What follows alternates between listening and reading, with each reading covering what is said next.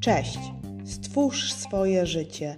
To cykl wywiadów z ekspertami w temacie rozwoju osobistego.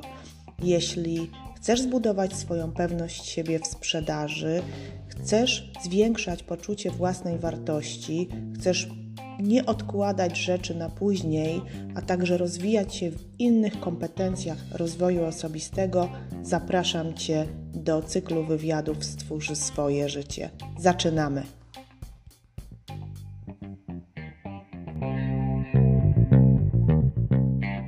Dzień dobry, witajcie kochani w moim kolejnym podcaście, kolejnym odcinku Sprzedaż B2B w praktyce.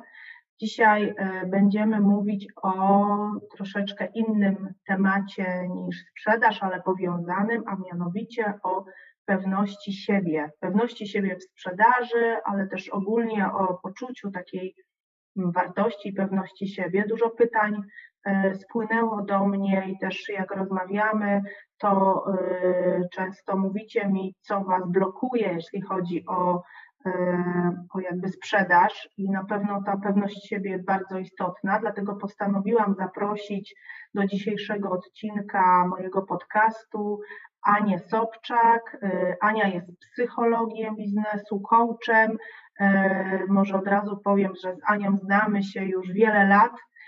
Miałyśmy okazję pracować w, firmach, współpracować w zasadzie w firmach y, globalnych informatycznych, jeszcze jak Ania pracowała w Microsoftie e, i, i zajmowała się właśnie też sprzedażą, więc y, bardzo się cieszę, że Ania dzisiaj w tym odcinku eksperckim jako, e, jako ekspert w dziedzinie e, właśnie psychologii biznesu postanowiła wystąpić i zgodziła się. Witam Cię serdecznie, Aniu. Powiedz jeszcze tak dwa słowa, coś więcej o sobie, rozwiń temat i, i cieszę się, że jesteś dzisiaj gościem w moim odcinku. Witam Was wszystkich. Tak troszeczkę to zabrzmiało e, trochę niespójnie, bo tu psychologii coach biznesu, a tutaj poznałyśmy się w branży IT, gdy pracowałam na stanowisku sprzedażowym. Faktycznie poznałyśmy się jako współpracowniczki, partnerki biznesowe. E, gdy pracowałam w dziale sprzedaży i biznes developmentu firmy firmach branży IT. Po 20 latach w korporacjach zmieniłam swoją ścieżkę zawodową i jako e, psycholog biznesu i coach biznesowy wspieram teraz organizację troszeczkę z innej strony, bo od strony e, wsparcia e, z wykorzystaniem narzędzi e, psychologicznych i coachingowych. Cóż mhm. więcej mogę sobie powiedzieć? Bardzo mocno wykorzystuję moje doświadczenie z biznesu, ponieważ jako psycholog i coach bardzo szybko jestem w stanie wejść w sytuację mojego klienta, zrozumieć ją i dzięki temu pomagać klienta w wypracowaniu jak najlepszego rozwiązania. Mhm. Ania, y, to czyli, czyli właśnie zmieniłaś tak naprawdę zawód, zmieniłaś swoją ścieżkę, y, ścieżkę zawodową. Dzisiaj jesteś certyfikowanym coachem, a mogłabyś, zanim przejdziemy oczywiście do naszego e, tutaj e, tematu nasz, naszego dzisiejszego spotkania, mogłabyś zdradzić naszym słuchaczom, dlaczego zdecydowałaś się na taką zmianę? No to jest i trudne, i proste pytanie i odpowiedź, ponieważ od zawsze y, dla mnie najważniejsza była relacja z człowiekiem i dzięki temu odnosiłam sukcesy w sprzedaży, bo pracowałam z ludźmi. No bo sprzedaż to jest praca człowieka z człowiekiem. E, z drugiej strony, mm, moja ścieżka kariery zawodowej w sprzedaży była bardzo intensywna i w pewnym momencie doszłam do wniosku, że e, w tej roli, którą miałam, już się więcej nie rozwinę. Natomiast zafascynowałam się e, rozwojem osobistym i tym, że można również wspomagać pracowników i firmy od strony właśnie tych czynników miękkich, psychologicznych i coachingowych.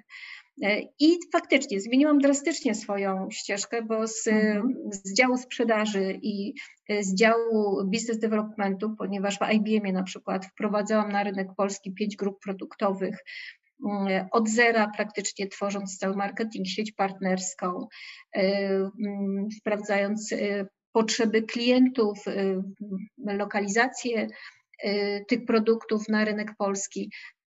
Stałam się osobą, która od strony zasobów miękkich wspiera teraz organizację i uważam, że jest bardzo dużo wspólnego w tym, ponieważ organizacja oprócz swojej merytoryki produktów ma ludzi, ma ten zasób, który jest największym zasobem organizacji i moim zdaniem od, od tego zasobu zależy sukces każdej firmy.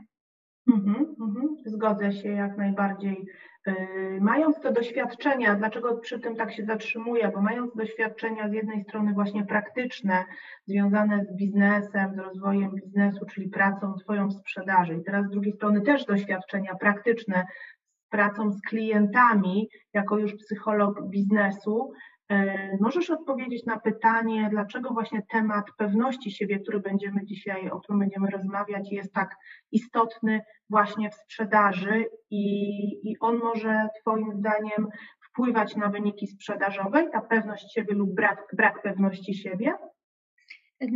To jest, y, pewność siebie mm, jest y, czynnikiem, który ma bardzo duże jeśli nie kluczowe znaczenie w osiąganiu sukcesu w sprzedaży.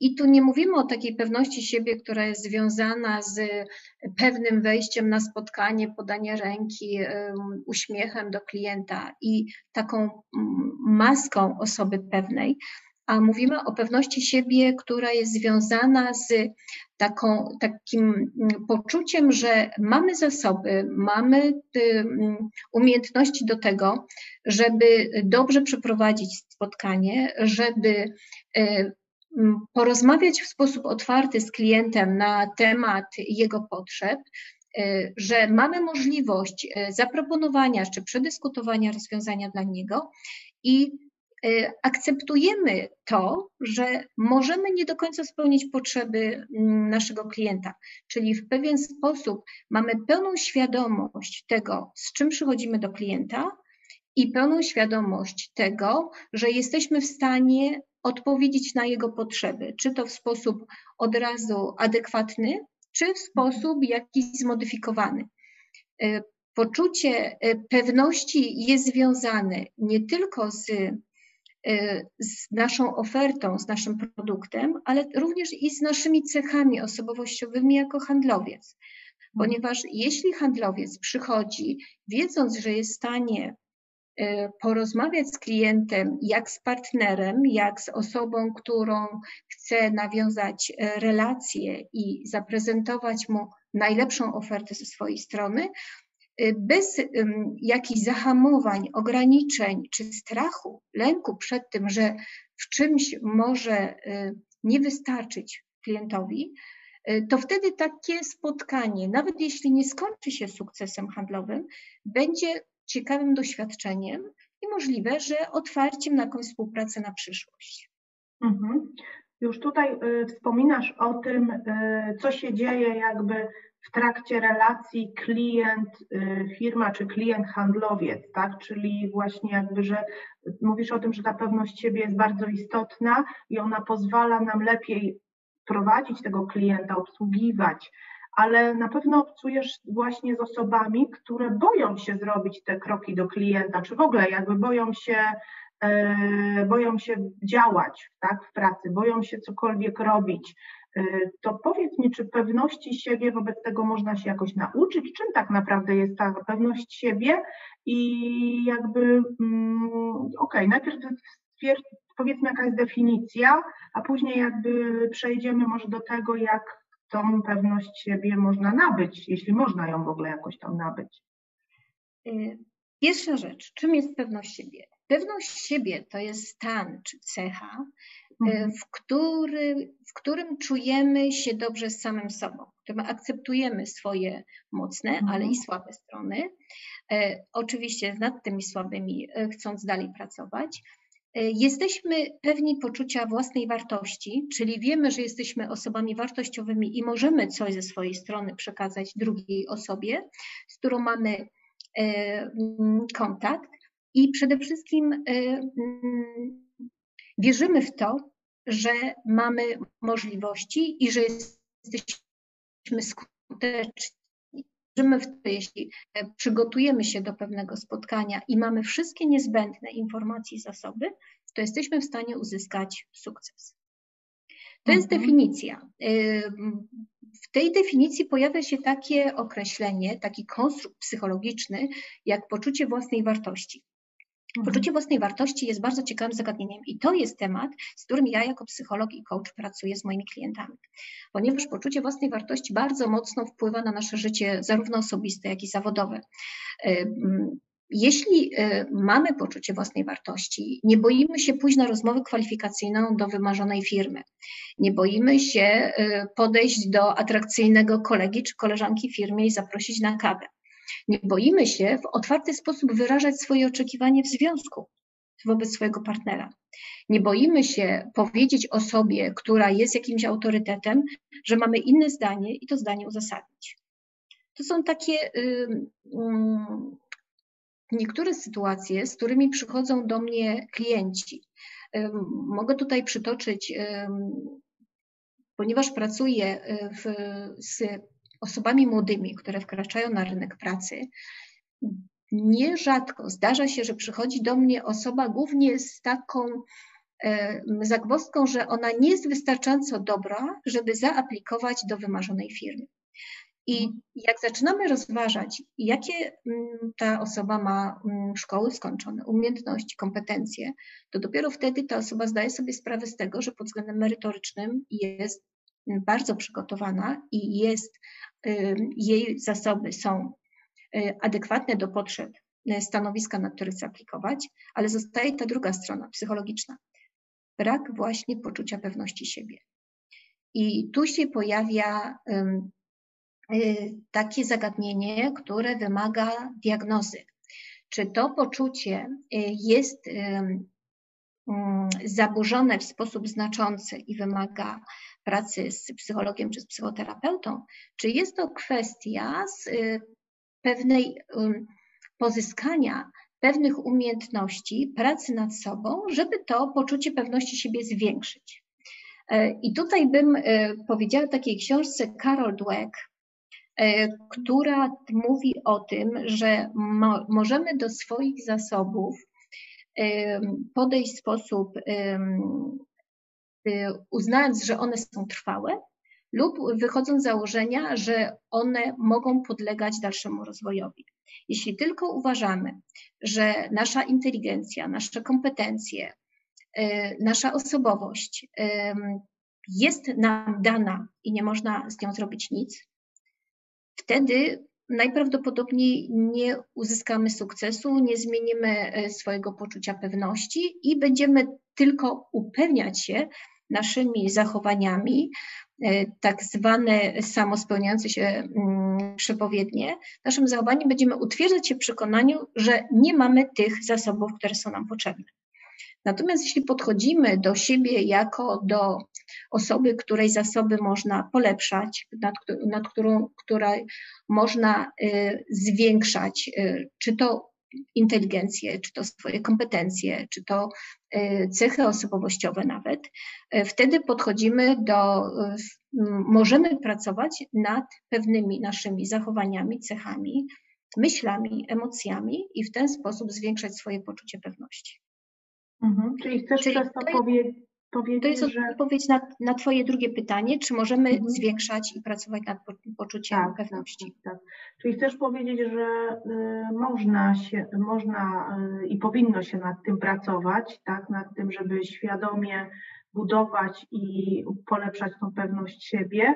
Wspomniałaś o tutaj takich y, metodach, y, tak zrozumiałam, samorozwojowych, czyli ja rozumiem, że E, chcę się czegoś nauczyć albo nie wiem, no to nie wiem, będę w przyszłym roku postawię sobie za cel, że e, skończę taki taki kurs, takie takie studia. Nie wiem, chcę być szczuplejsza o 3 kilo, oczywiście tutaj podajemy przykłady różne, to e, będę w tym kierunku działała, nie wiem, regularnie chodziła na siłownię, tak? Czyli najpierw powinnam co, czy powinienem, te osoby, które nas słuchają, postawić sobie, co by chciały osiągnąć, jeśli chodzi o swój, swój przyszły rok czy swoje życie i działać, żeby zbudować tą pewność siebie. Rozumiem, że działać, no i czytać też oczywiście. Tylko jakie działania takie praktyczne mogą nam w tym pomóc? Mm, ja bym zaproponowała najpierw, żeby y, wejść troszeczkę w analizę siebie, analizę swoich y, zasobów, swoich kompetencji, tego, co osiągnęłam, czy osiągnąłem do, w tym, do tego momentu, y, jaki jest tu i teraz moje, i zastanowiła się, co było moim sukcesem, mhm. co też mi się nie udało w życiu, i zrobiła też taką analizę tego, y, tych sukcesów, mm, w jaki sposób je osiągnęłam, osiągnęłam y, i jakie koszty zostały poniesione, ale i co dzięki temu zyskałam i czy to jest y, rzecz, za którą powinnam być wdzięczna, ponieważ wdzięczność tworzy nasz optymizm, a optymizm nam bardzo pomaga w budowaniu pewności siebie, o czym mówią badania psychologiczne. E, z drugiej strony warto też zastanowić się nad naszymi porażkami i mhm. zobaczyć, czy nasze porażki traktujemy w perspektywie, no tak, bo y, przecież ja ciągle odnoszę porażki, czyli w perspektywie zgody na to, że coś nam się nie udaje, czy w perspektywie y, nauki, z której mogę wyciągnąć wnioski i wdrożyć te wnioski później w moim życiu. Y, osoby pewne siebie podchodzą do porażek jak do nauki. Osoby optymistyczne podchodzą do porażek jak do kolejnego kroku, który warto wykorzystać do polepszania siebie. I y, tutaj mm, y, ważne jest to, żebyśmy umieli spojrzeć na siebie z taką mm, samoświadomością, zastanowić się, czy z tych porażek nie jesteśmy w stanie wyciągnąć jakiejś nauki.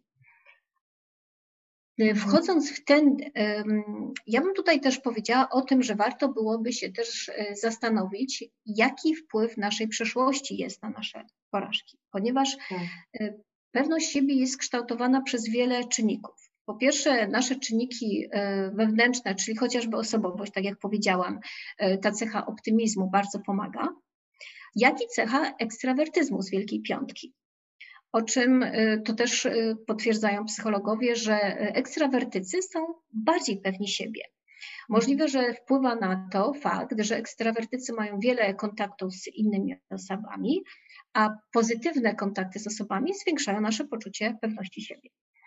Y, druga rzecz, która bardzo mocno wpływa, to jest odbiór właśnie tych czynników osobowościowych naszych z czynnikami zewnętrznymi. Od samego urodzenia obracamy się w jakimś gronie, czy to ludzi, czy to kultury, czy to religii. E, pierwszym naszym otoczeniem jest rodzina i sposób traktowania e, dziecka przez rodziców, e, rodzeństwa, mm, dziadków, w ogóle całej struktury rodzinnej bardzo mocno wpływa na to, jaką pewność siebie wypracowuje dziecko w sobie. Dziecko, które jest karcone w sposób niekonsekwentny, dziecko, któremu nie daje się możliwości korzystania z własnej samooceny, tylko narzuca się ocenę osób z zewnątrz, e, które nie ma możliwości e, wykorzystania swoich pomysłów, swojej inicjatywy, nie, nie rośnie na osobę, która wierzy w swoje możliwości, w swoje umiejętności. Taka, takie dziecko wyrasta na osobę, która całkowicie jest uzależniona od kontroli i opinii osób zewnętrznych. Mm, I to bardzo mocno wpływa na brak poczucia pewności siebie. Tu jest pytanie w przypadku analizy porażek, o której mówiłam, czy nie warto też spojrzeć na swoją rodzinę, i na to, w jakich relacjach się wychowywaliśmy. Czy przypadkiem nasi rodzice byli osobami wspierającymi, e, które w nas wierzyły, które mm, dawały nam swobodę wyrażania naszych myśli, emocji, potrzeb, czy były to raczej osoby, które nas ograniczały, uczyły nas pewnych barier. To bardzo mocno wpływa na to, jak my później w życiu dorosłym radzimy sobie e, z naszymi wyzwaniami.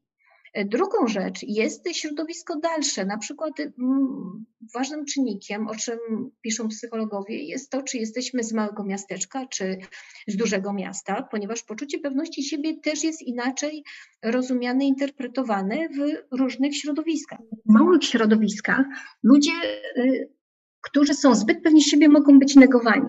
Mhm. Natomiast w dużym mieście, gdzie jest duża konkurencja, gdzie są duże pieniądze, gdzie jest prestiż, jest inna sytuacja i jest y, wręcz jako pozytywnie oceniane, że dana osoba jest pewna siebie, swoich kompetencji i swoich y, możliwości. Y, I mm, podobnie nawet ma podobny wpływ kultura indywidualistyczna i kolektywistyczna czyli mhm. to, czy wychowujemy się w kulturze y, Europy Zachodniej, gdzie jest mhm. bardzo mocny y, nacisk na to, żeby każdy y, człowiek się realizował jako indywidualna jednostka, czy mhm. taka kultura jak Japonia czy Chiny, gdzie jest kultura kolektywistyczna i ona wpływa na to, że osoba pewna siebie, indywidualna jest postrzegana niezbyt pozytywnie. Mhm. Więc są, jest wiele czynników, które wpływają na to, czy y, jak rozwijamy w sobie tą pewność siebie. Mhm tego, co powiedziałaś, takim jednym, z ważniejszych jest jakby samoświadomość swoich właśnie takich mocnych, słabych stron. Ja bym tutaj tak podsumowała, że dobrze sobie zrobić e, taką matrycę być może e, właśnie mocnych stron, słabych stron i tych takich niedociągnięć, tak? E, kolejna rzecz, w jaki sposób reagujemy na sukces, na porażkę, dlaczego na przykład na porażkę tak źle y, reagujemy? No bo zgodnie z tym, co Ty mówisz, to jednak porażki powinny być dla nas lekcją i nauką, y, żeby, tak, żeby się czegoś jakby nauczyć postępować inaczej niż czymś, co źle robiliśmy. I tu mm, bardzo powiedziałaś taką rzecz, którą myślę, ja też doświadczałam w swoim życiu jakby młodzieńczym, że jednak y, jak się coś źle zrobiło, no to po prostu to było źle i rodzice Yy, jakby człowiek chciał się przypodobać rodzicom, tak? Czyli wszystko robił w ten sposób, żeby rodzic albo pochwalił, jak pochwalił, to było dobrze, jak skarcił, to było źle i się wszystko robiło, żeby to, e, żeby to naprawić i, e, i chyba większość z nas, którzy teraz słuchają ten podcast i mają e, podobne lata do nas, to żyli w, w takim środowisku jakby rodzinnym, że mm, jakby patrzenie przez pryzmat rodzica dzisiaj e, jakby może nas bardzo mocno ograniczać, tak? Bo patrząc nawet w sprzedaży na zarabianie pieniędzy, gdzie się mówi o zarabianiu pieniędzy, że można zarobić dużo, tak? Że można uzyskać wolność finansową, to na przykład moi rodzice bardziej się koncentrowali na tym, żeby mieć tyle, ile wystarczyło, ile, żeby wystarczyło, tak? Żeby żyć, żeby przeżyć a e, jak się chciało troszeczkę więcej, no to po co? Więc tutaj jakby podaję też te przykłady, e, przykłady z życia. Aniu, jakbyś właśnie też mogła tak przykładami się tutaj posłużyć, e, związanymi z tym, jak być może twoi klienci albo osoby, z którymi pracowałaś, budują tą pewność siebie, tak jakby, albo po prostu jakby brak im pewności siebie, jakbyś mogła tak kilka przykładów tutaj przytoczyć.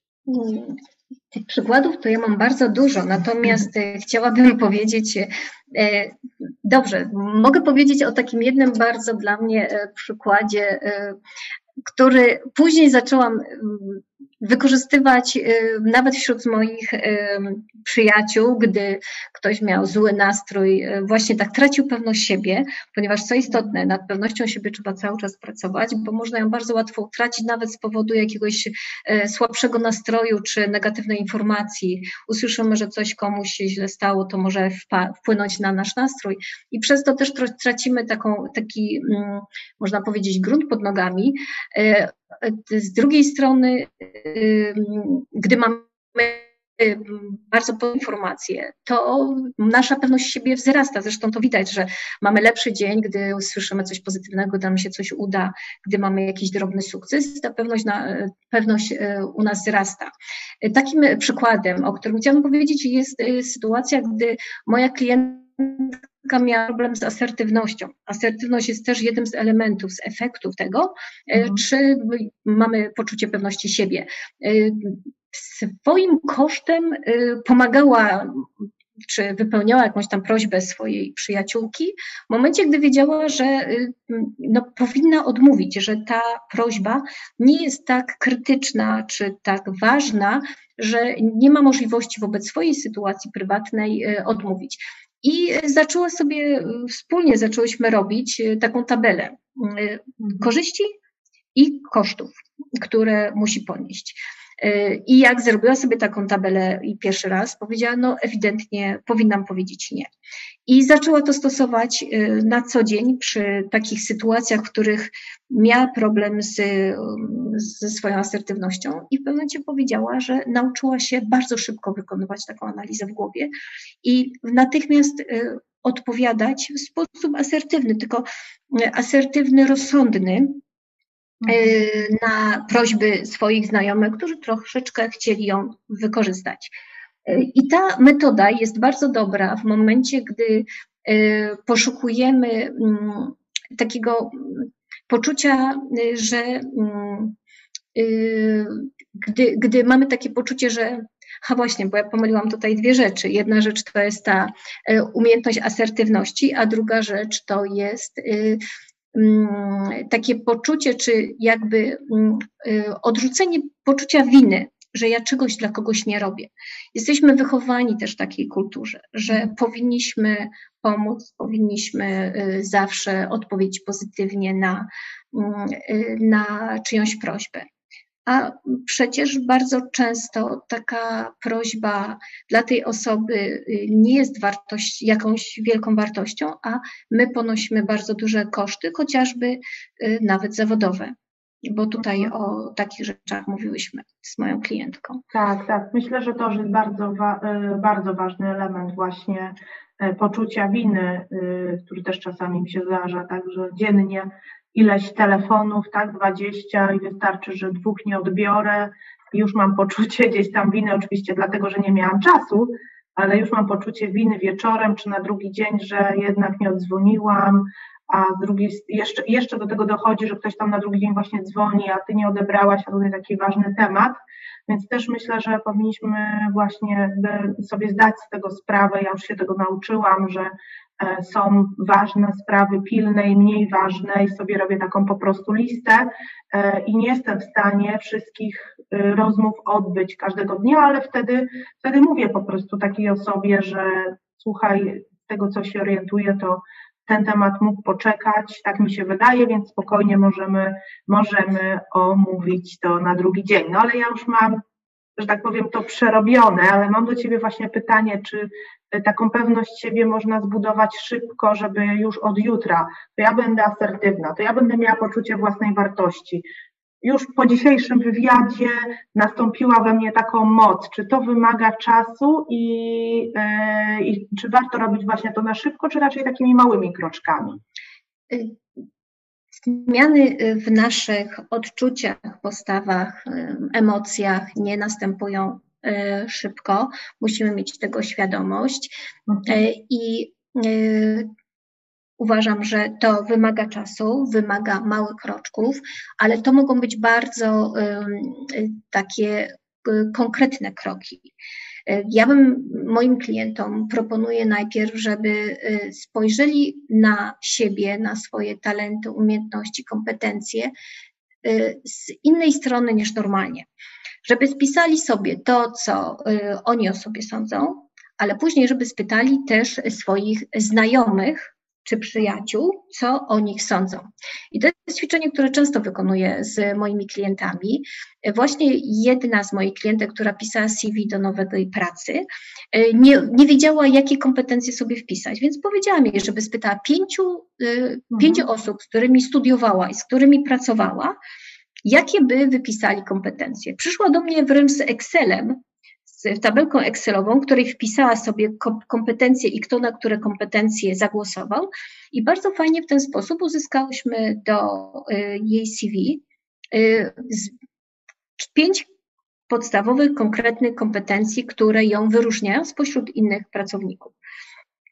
takie spojrzenie na swoje kompetencje czy talenty, zasoby z innej perspektywy jest również możliwe, jeśli pracujemy na przykład z coachem i on prosi nas o takie ćwiczenia dysocjacyjne. To wygląda, może to wyglądać tak, że podczas jakiejś naszej sytuacji możemy spróbować spojrzeć na siebie tak, jakbyśmy kręcili film, w którym my jesteśmy aktorem tak żeby spojrzeć z boku na siebie, jakby wyjść z siebie, ze swojego ciała i spojrzeć na siebie z boku. Zobaczyć, jak się poruszamy, zobaczyć, jak gestykulujemy, jaki mamy wyraz twarzy, w jaki sposób mówimy, jakim tempem, z jakim natężeniem, jakiego słownictwa używamy, w których momentach się możemy zaciąć, w których momentach y, sobie dobrze dajemy radę. Y, I, y, i Taka analiza może pozwolić nam na poznanie chociażby naszych emocji, zachowania, reakcji na pewne sytuacje. Y, zapewne każdy z nas słyszał o inteligencji emocjonalnej Goldmana. Y, która y, to jest y, mm, książka popularno-naukowa, która nawet swego czasu była uważana za rewolucyjną definicję inteligencji najważniejszej do osiągnięcia sukcesu. I faktycznie inteligencja emocjonalna jest bardzo potrzebna, natomiast czy jest najważniejszym czynnikiem, tutaj psychologowie na ten temat dyskutują. Umiejętność, natomiast umiejętność zrozumienia swoich emocji, w pewien sposób zarządzania swoimi emocjami jest y, bardzo istotna w biznesie. Y, oprócz tego, że w życiu osobistym oczywiście, ponieważ jeśli znamy nasze emocje, wiemy, jak możemy przygotować się na trudne spotkanie z klientem, y, jeśli rozpoznamy, kim jest osoba, z którą będziemy rozmawiać, czy osoby, z którymi będziemy rozmawiać, jesteśmy w stanie przygotować się nie tylko merytorycznie, ale i od strony emocjonalnej na to spotkanie. Mogę tu powiedzieć taki mój przypadek, gdy byłam bardzo młodym handlowcem. Pojechałam do klienta, który z założenia atakował moją firmę. Kolega, y, który obsługiwał tego klienta, przygotował mnie pod względem zarzutów, które usłyszę, dał mi argumenty, które Y, które usłyszę od tego klienta, y, dał mi argumenty, którymi y, mogłabym odpowiedzieć na te zarzuty od, od klienta i tak przygotowana poszłam na spotkanie. Natomiast nie przygotowałam się emocjonalnie do tego spotkania, że te zarzuty będą bardzo trudne dla mnie jako młodej osoby. I ja wyszłam, pomimo tego, że faktycznie rozmowa wyglądała tak, jak mnie kolega przygotował, słyszałam zarzuty, odpierałam argumentami. Ja wyszłam strasznie zmęczona, strasznie zniszczona emocjonalnie po tym spotkaniu, ponieważ nie przygotowałam się do tego, że te zarzuty mogą tak bardzo uderzyć we mnie jako w człowieka. E, I to, to była taka też nauka dla mnie na przyszłość, mm. że w momencie, gdy idziemy do trudnego klienta, warto się przygotować też od strony takiej mm, emocjonalnej, żeby pewien, znając swoje reakcje na pewne sytuacje, móc zarządzić naszymi emocjami. Ja mam problem y, z osobami, które mm, y, są, można powiedzieć, niekulturalne podczas spotkań y, biznesowych i zawsze miałam. I jak zaczynałam pracę w pierwszej firmie usłyszałam taką informację, że ja jestem nieodporna na tego typu zachowania. I przez całą moją karierę potwierdzałam y, tą opinię, ponieważ ja się bardzo źle czuję w sytuacji, w której spotykam się z osobą, która nie przyjmuje argumentów drugiej strony, która y, nie szanuje drugiej strony, która mm, wychodzi z pozycji silniejszej, ponieważ jak ja sprzedawałam, to miałam po drugiej stronie kupca i zdarzyło mi się nieraz, że ta osoba jako kupiec wychodził z założenia, przecież ja kupuję, czyli ja stawiam e, warunki. E, umiejętność e, zarządzania swoimi emocjami w takich trudnych sytuacjach jest bardzo przydatna. Tu też mogę sięgnąć do takiej sytuacji, tak teraz mi przyszła do głowy, gdy przyjechaliśmy mm, całą ekipą na prezentację do klienta i e, pod, rozpoczynając prezentację, zauważyliśmy, że na sali są dwie osoby z firmy konkurencyjnej. No było to dla nas problematyczne, ponieważ mieliśmy zaprezentować naszą koncepcję i nie chcieliśmy, aby konkurencja ją znała.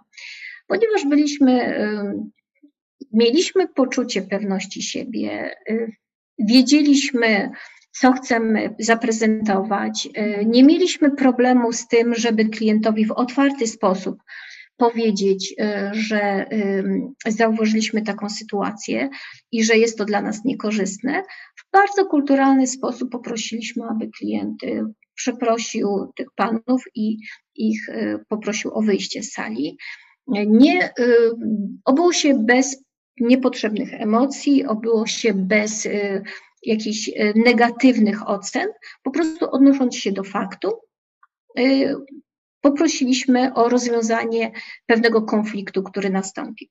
Gdybyśmy nie mieli takiego przekonania o tym, że jesteśmy firmą wiarygodną, profesjonalną, nie mieli tego poczucia pewności, e, że przychodzimy z dobrą ofertą do klienta, możliwe, żebyśmy w ramach jakiegoś lęku, obawy nie byli w stanie poprosić tych, e, tego klienta o, o taką reakcję. Mhm, mhm. Myślę, że y, często handlowcy faktycznie często borykamy się z takimi sytuacjami, o których Aniu mówisz i myślę, że każdy miał to za sobą, ja też również, że y, stanął w obliczu, y, w obliczu właśnie klienta, który pokazywał swoją, swoją siłę, tak? czyli jakby to, kim jest na tym spotkaniu, i ważne chyba wtedy jest, żeby dać sobie właśnie jeszcze szansę. Ja zawsze mówię, że mm, ten klient nie ma wrogości do nas, tylko być może właśnie ma problem z poczuciem własnej wartości, albo ma swój, albo po prostu coś, coś, coś mu nie wyszło w firmie w danym momencie, może jakiś projekt, może coś na produkcji y, się zawaliło, więc my o tym nie wiemy bardzo często, ale oczywiście też nie powinniśmy się poddawać. Znam też takich, takie osoby, które właśnie przez takie sytuacje rezygnują z zawodu sprzedawcy, tak? Idą gdzie indziej, Mm, I bardzo ważne jest wtedy mieć właśnie takiego coacha, już tak kończąc, czy takiego mentora, e, osobę, z którą można porozmawiać na ten temat. Bardzo często my, jako szefowie, co zarządzam zespołem, koncentrujemy się e, na tych wynikach z racji tego, że biegamy i od nas wymagają, biegamy i codziennie są nowe zadania, a nieraz warto się zatrzymać i mieć, e, mieć kogoś, z kim można porozmawiać i się zwierzyć i poszukać właśnie tej porady, więc też będę zachęcała tutaj Was do, e, do kontaktu z Anią, mm, bo jak widzicie, Ania ma bardzo duże doświadczenie praktyczne i, e, i jakby mm, jest w stanie, myślę, że każdemu pomóc, bo sama z Anią dużo rozmawiam i tutaj jakby współpracujemy. Ja pod naszym odcinkiem podlinkuję, jeśli Ania oczywiście wyrazi zgodę, e, podlinkuję konto LinkedInowe na które można się y, wejść, zobaczyć pełne doświadczenie Ani, a także stronę internetową firmy, e, tak żeby można było y, się poradzić. Rozumiem, że, że Ania tutaj dajesz mi zgodę i można, można Ciebie E, można się z Tobą skontaktować. Bardzo jestem ciekawa Waszej opinii na temat tego odcinka, bo troszeczkę był inny niż e, to, co do tej pory mówiliśmy, ale ja uważam, że bardzo ważny. Chciałam Aniu Tobie podziękować za udział i za to, że się podzieliłaś swoimi doświadczeniami i to też było dla mnie bardzo cenne. E, no i będziemy powoli kończyć, także dziękuję bardzo jeszcze raz Aniu. E, na koniec jakby dwa, dwa słowa, e, takie dwie porady dla osób, które chcą od jutra budować pewność siebie, co, co mogą zrobić na przykład po przebudzeniu od razu. O, mówiłaś o? Mówiłaś o wdzięczności. może to, może coś innego. Tak, wdzięczność jest jednym z bardzo fajnych y, narzędzi, y, które pomagają nam budować y, swój optymizm i pozytywne podejście do życia, a tak jak powiedziałam wcześniej, to bardzo mocno wpływa na pewność siebie. A drugą rzecz to taką bym każdemu zasugerowała, żeby wymyślił sam siebie za trzy albo za pięć lat. Żeby pomyślał, w jakim miejscu chciałby być, określił sobie to jako cel, bardzo detalicznie opisał sobie ten cel, bardzo detalicznie opracował plan dojścia do tego celu i konsekwentnie do niego y, dochodził. Y, do tej pracy tu faktycznie bym polecała osobom, które mają z tym problem, współpracę z coachem, niekoniecznie ze mną, ale z coachem, który jest w stanie pracować z celami, ponieważ osoby pewne siebie zaczynają od małych kroczków. Zaczynają od małych kroczków, które doprowadzają do dużych celów. Każdy krok, który wykonamy, jest dla nas sukcesem. Sukces nas motywuje do tego, żeby dalej pracować. A jak mamy y, ten kolejny krok i znowu mamy sukces, to zaczynamy coraz bardziej w siebie wierzyć. I taka ta spirala się nakręca. Przez to, że działamy, osiągamy sukces, coraz bardziej w siebie wierzymy, więc coraz wyższy cel bierzemy i coraz dalej idziemy. Tylko trzeba wiedzieć, do jakiego punktu dążymy. Czy dążymy do tego, żeby osiągnąć sukces sprzedaży, czy dążymy do tego, żeby zrobić doktorat, czy dążymy do tego, żeby mieć piękną rodzinę z dwójką dzieci, bo każdy cel jest dobry, jeśli jest zgodny z nami i jeśli pozwala nam na realizację naszych własnych potrzeb i, i naszych pragnień, pasji i tego, co chcemy naprawdę w życiu robić. Dzięki tyle bardzo. z mojej strony. Dziękuję bardzo Ewa za zaproszenie na ten podcast. Dziękujemy bardzo za ten odcinek. Pozdrawiamy Was serdecznie i życzymy miłego wieczoru, dnia, w zależności od tego, gdzie słuchacie tego podcastu. I do usłyszenia, do zobaczenia. Pozdrawiamy. Pozdrawiamy.